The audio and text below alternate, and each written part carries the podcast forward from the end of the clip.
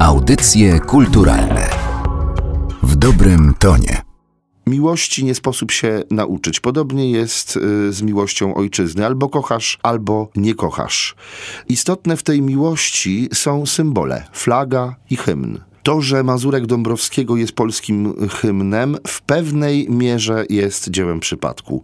Często tak się dzieje, że pieśni, które w zamyśle autora nie mają spełniać takiej roli, stają się szlagierami, przebojami, a w tym przypadku narodowym hymnem. Z hymnem naszym mam ambiwalencję. Z jednej strony wzruszenie, gdy widzę moją dziesięcioletnią córkę śpiewającą z rówieśnikami tę pieśń, albo gdy śpiewa ją starszyzna, pokolenie, które zapłaciło daninę krwi za jej niepodległość.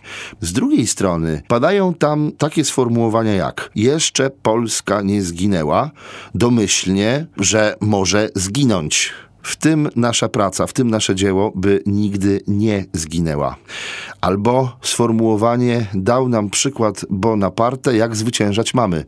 Tu złośliwi mogliby powiedzieć i tak właśnie zwyciężamy.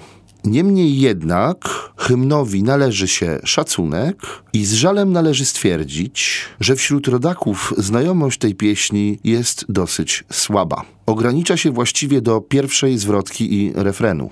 Zdaje się, że powinno być to egzekwowane w szkole, tak by każdy uczeń po zakończeniu szkoły podstawowej znał polski hymn od pierwszej do ostatniej zwrotki. Winno się to odbywać na lekcjach polskiego, historii, a także muzyki, oby ta jak najszybciej do szkół wróciła w pełnym wymiarze. Adam Struk. Audycje kulturalne w dobrym tonie.